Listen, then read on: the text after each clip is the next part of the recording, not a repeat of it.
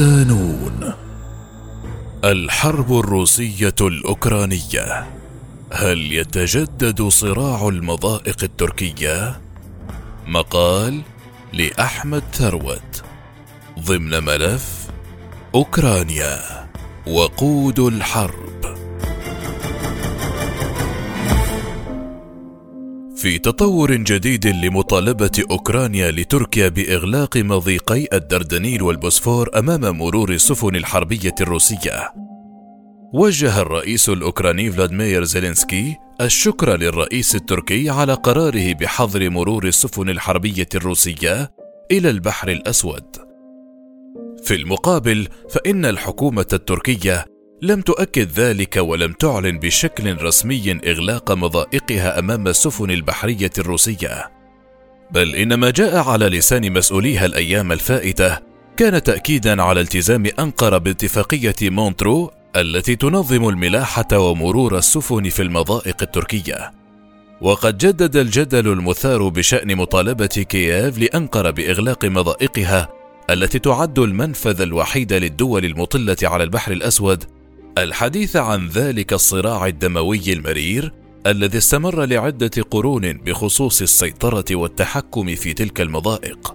وهل يمكن أن يتجدد ثانية حال تطور الصراع واتساع دائرة الحرب الراهنة؟ ومع هذا الجدل ثارت التساؤلات عن موقف الحكومة التركية من إمكانية إغلاق مضيقي الدردنيل والبوسفور.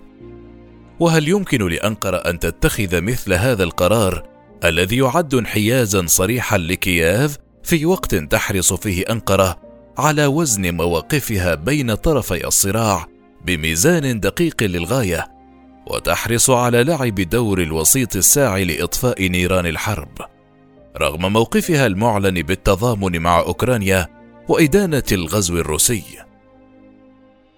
مطالب أوكرانية تجدد الحديث عن دور مضيقي البوسفور والدردنيل التركيين المتحكمين في حركة الملاحة بين البحرين المتوسط والأسود في الأزمة الأوكرانية بعد مطالبة كييف لأنقرة بإغلاق المضيقين أمام السفن الحربية الروسية. واليوم السبت أكد الرئيس الأوكراني أن تركيا وافقت على منع مرور السفن الحربية الروسية إلى البحر الأسود عبر مضيقي البوسفور والدردنيل لكن أنقرة لم تؤكد ذلك.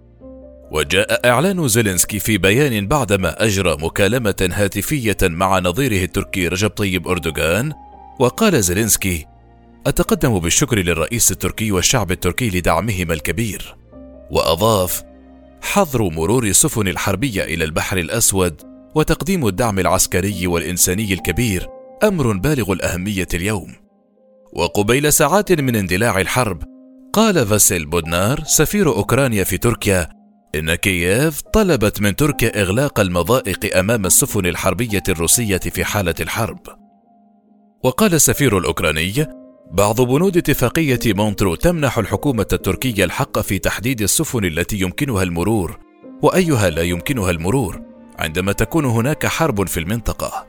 وأضاف: سنطلب من تركيا النظر في إغلاق مضيق البحر الأسود أمام الدولة المعتدية في حال حدوث غزو عسكري شامل أو عمل عسكري ضد أوكرانيا.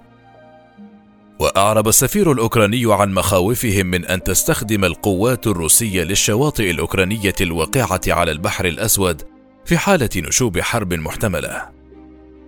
ويهدف الطلب الأوكراني بإغلاق المضيقين إلى محاولة منع روسيا من جلب المزيد من السفن الحربية إلى البحر الأسود لكن في الأسابيع الماضية عبرت ست سفن حربية وغواصة روسية المضيقين إلى البحر الأسود لإجراء مناورات بحرية. وتشير بعض التقديرات إلى أن 90% من المعدات العسكرية والغذاء والوقود ومواد الدعم اللوجستي للجيش الروسي يتم نقلها بحريا عبر مضيق البوسفور. الموقف التركي من إغلاق المضائق.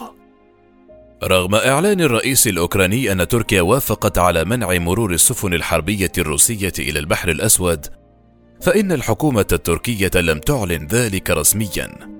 ولم تشر وكالة الأناضول الرسمية إلى هذا الأمر في حديثها عن مكالمة أردوغان وزيلينسكي.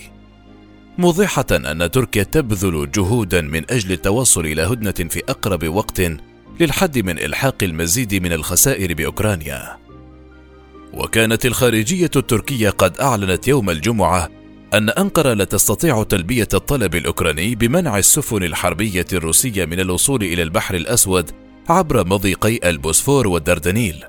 وقال وزير الخارجية التركي مولود شاويش أوغلو إنه وفقا للقانون الدولي يتعين على أنقرة ضمان مرور روسيا عبر مضيقي البوسفور والدردنيل إلى البحر الأسود بشروط معينة.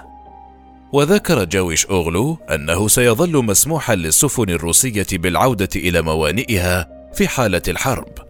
لكن أوغلو أشار إلى أن بلاده قد تغلق المضائق أمام السفن الحربية في حال أقرت بوجود حالة حرب بين روسيا وأوكرانيا. وقال: الخبراء الأتراك يدرسون ما إذا كان هناك حالة حرب وإذا تم إقرار ذلك بشكل قانوني فسنمنع عبور السفن الحربية من المضيق. ونوه إلى أنه حتى لو أقرت تركيا بذلك فيحق لروسيا استخدام المضائق وفقا للمواد التاسعة عشر والعشرين والحادي والعشرين التي أضافتها إلى اتفاقية مونترو حيث تنص السماح للسفن التابعة للبلد المطل على البحر الأسود بالعبور من المضائق في حال طالبت بالعودة إلى قواعدها. كما قال مصطفى شنطوب رئيس البرلمان التركي إن أحكام معاهدة مونترو بشأن نظام المضائق واضحة ولا لبس فيها، وأنقرة ستلتزم بها حرفيًا. وأضاف شنطوب أن أنقرة تراعي مبادئ وأحكام معاهدة مونترو بعزم وبشكل واضح، مشددا على أن بلاده التزمت حرفيا حتى اليوم بأحكام المعاهدة المذكورة، وستواصل ذلك بعد اليوم أيضا. يبدو من التصريحات التركية الرسمية مدى حرص أنقرة على إعلان التزامها ببنود اتفاقية مونترو، لكن تلك التصريحات لم تغلق الباب تماما أمام الاستجابة لمطالب أوكرانيا بإغلاق المضيقين أمام البحرية الروسية حال تطور أوضاع الحرب كما دخلت المعارضة التركية على خط أزمة المضائق وطالبت بضرورة مناقشة هذه الأزمة داخل البرلمان وقيام الحكومة بتوضيح موقف تركيا منها ودعت أحزاب الشعب الجمهوري والجيد والسعادة والديمقراطي والمستقبل إلى عقد اجتماع عاجل لأعضاء مجلس الشؤون الخارجية بالبرلمان. مع التشديد على ضرورة التقيد الحازم باتفاقية مونترو الخاصة بتنظيم المرور في المضائق والتأكيد على الالتزام التركي ببنود القانون الدولي في تعاملها مع ما يختص بالمضائق وعدم الاندفاع في تأييد طرف على حساب آخر لما في ذلك من تداعيات خطيرة على تركيا. التاريخ الدموي للمضائق التركية سعت روسيا منذ أن أصبحت قوة كبيرة في ظل القياصرة قبل قرون إلى الوصول للبحار وخاصة البحار الدافئة. وخاضت ضد تركيا خمسة عشر حربا على مدى ما يقرب من ثلاثة قرون لتحقيق هذا الهدف الاستراتيجي. وبات التحكم بمضيقي البوسفور والدردنيل أو على الأقل ضمان حرية الملاحة للأسطول الروسي والبواخر الروسية على رأس أولويات روسيا وأهدافها. ويتسم تاريخ البوسفور والدردنيل بالدموية في ظل الصراع الروسي التركي للسيطرة على المخرج الوحيد للبحر الأسود. كانت المضائق من أسباب دخول روسيا الحرب العالمية الأولى عام 1914 فعندما أسرعت روسيا بحشد قواتها على طول حدود النمسا وألمانيا لمنع تقدمهما نحو تركيا وإغلاق المضائق أمامها أعلنت ألمانيا الحرب على روسيا وحليفتها فرنسا فدخلت إنجلترا الحرب إلى جانب روسيا وفرنسا وعند نهاية الحرب قلص المنتصرون هيمنة تركيا المهزومة على المضائق وقضت معاهدة سيفر بضرورة نزع سلاح المضائق وبحر مرمرة والجزر الواقعة في مدخلهما من جهة الجنوب. وتم تنظيم وضع المضائق مرة ثانية في معاهدة لوزان سنة 1923 التي نصت على حرية مرور السفن التجارية ووضعت قيودا على مرور السفن الحربية إلى البحر الأسود. وعندما ظهرت إيطاليا في عهد موسوليني سنة 1935 كقوة بحرية. رأت إنجلترا أن مصلحتها تتفق مع كل من تركيا وروسيا في تعديل معاهدة لوزان، وتم توقيع اتفاقية مونترو سنة 1936 لتنظيم الملاحة في المضائق التركية، وما زالت هذه الاتفاقية سارية المفعول حتى الوقت الحاضر. اتفاقية مونترو.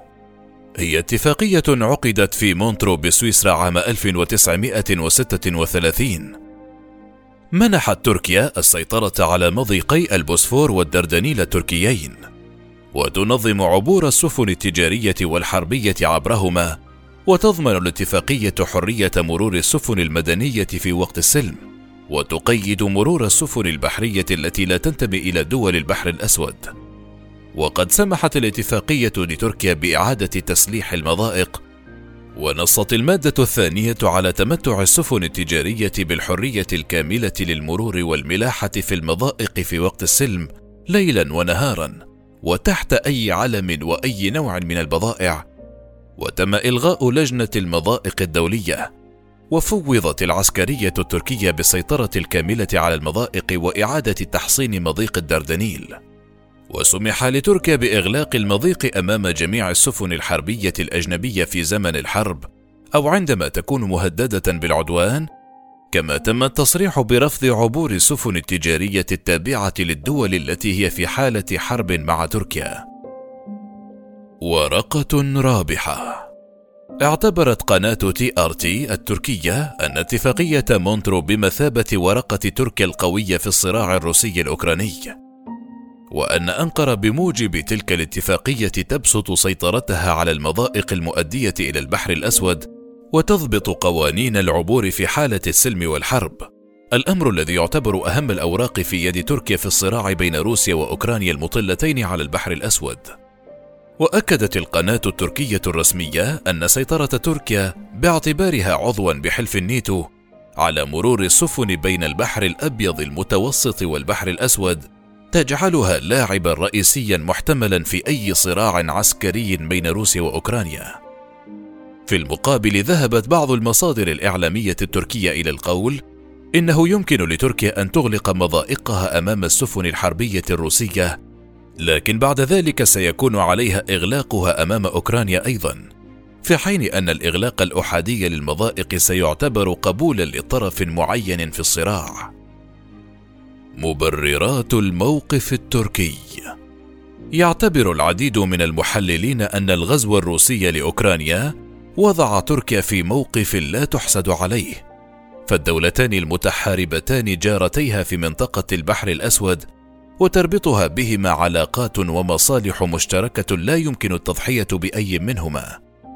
الأمر الذي جعل المواقف المتشددة من جانب المسؤولين الاتراك مثار اهتمام وترقب. فانحيازها لأحد الأطراف يعني تلقائيا استعداء الطرف الآخر والتضحية بمصالحها معه وهو أمر مستبعد في ظل سعيها الدائم لتحسين علاقاتها وتصفية خلافاتها.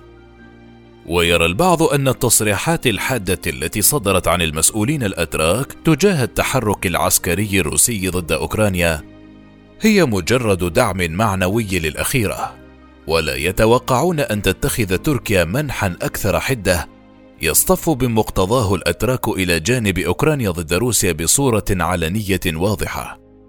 ولعل حرص أنقرة على عدم التضحية بعلاقاتها ومصالحها مع الطرفين قد بدأ في إعلان أردوغان أن بلاده ستدعم كييف بكل ما أوتيت من قوة لكنها لن تضحي بعلاقات التعاون القوية والمستقرة مع روسيا. ومن ثم يأتي الموقف التركي من الطلب الذي تقدمت به أوكرانيا رسميا بإغلاق المجال الجوي والمضائق البحرية التركية أمام روسيا ومنع مرور السفن الروسية من مضيقي البوسفور والدردنيل متذرعا بالقانون الدولي والالتزام باتفاقية مونترو. ووفقا لصحيفة جارديان فإن تركيا المستفيد الرئيس من الغاز الطبيعي الروسي تحاول استرضاء طرفي الصراع. وبحسب موقع نافال نيوز المختص بأحداث الدفاع البحري يمكن لتركيا عرقلة مرور السفن الحربية رغم عدم مشاركتها بنشاط في الحرب. ويعتبر طلب أوكرانيا ممكنا لكنه خطير بالنسبة إلى تركيا. ووفقا لذات الموقع فحال وافقت تركيا على طلب أوكرانيا يجب عليها تطبيق القاعدة على كلا الجانبين. ويستحيل بذلك نشر سفن حربية للنيتو إذا قرر ذلك. مؤكدا أن انتشار روسيا في البحر الأسود اكتمل بالفعل وبحال استخدمت تركيا سلطتها التقديرية لمصلحة أوكرانيا فقط فقد تعترض روسيا وتتهم تركيا بانتهاك حيادها وسيكون إغلاق المضائق محاولة عقيمة لردع روسيا لكن الموقع يرجح أن تظل تركيا على الحياد خلال الحرب. الموقف الروسي. لم تصدر مواقف رسمية من موسكو بشأن مطالبة كييف بإغلاق المضائق التركية التي تعد المنفذ الوحيد لأسطول البحر الأسود الروسي إلى المياه الدافئة في البحر المتوسط إلا أن بعض التقديرات الروسية أبدت تخوفها من إمكانية إغلاق تركيا المضيقين أمام السفن الروسية حال تصاعد حرب العقوبات. وتشير تلك التقديرات إلى وجود ورقة ضغط تركية متمثلة في نظام القواعد الدولية الخاصة بحركة السفن في مضيقي البوسفور والدردنيل الذي أقرته أنقرة بصورة فردية عام 1994 ويمنح هذا النظام الجانب التركي الحق في منع مرور جميع السفن عبر المضيقين حال القيام بعمليات حفر أو أعمال صحية أو في أثناء الفعاليات الرياضية وكل الحالات المماثلة الأخرى. حسب ما يقضي به المبدأ الرابع والعشرون للنظام الذي تبنته تركيا متجاهلة معارضة الروس والعديد من دول العالم.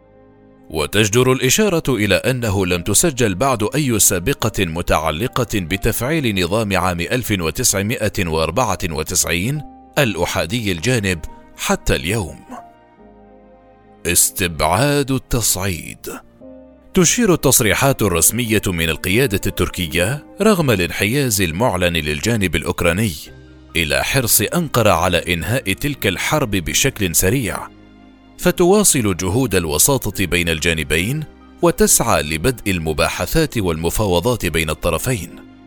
وتدرك الحكومة التركية المرتبطة بعلاقات وثيقة مع جارتيها المتصارعتين في البحر الأسود أن إطالة مدى الحرب وتوسع دائرتها سيكون لها آثار وتداعيات اقتصادية مدمرة ليس بوسع أنقرة تحملها في هذا التوقيت. ومن ثم فإن استجابة تركيا لمطالب أوكرانيا وإغلاق مضائقها أمام سفن روسيا الحربية أمر يبدو مستبعدا. لما يمثله من تصعيد ومواجهة مع موسكو لا ترغب أنقرة في خوضها في إطار سعيها للحل والتهدئة وإطفاء نيران الحرب المستعرة على شواطئ البحر الأسود. لكن أنقرة في ذات الأمر لا تلقي بورقة المضائق الرابحة وتبقي هذا الكارت في يدها. قد تشهره في وجه موسكو حال تصاعد أطماع الدب الروسي.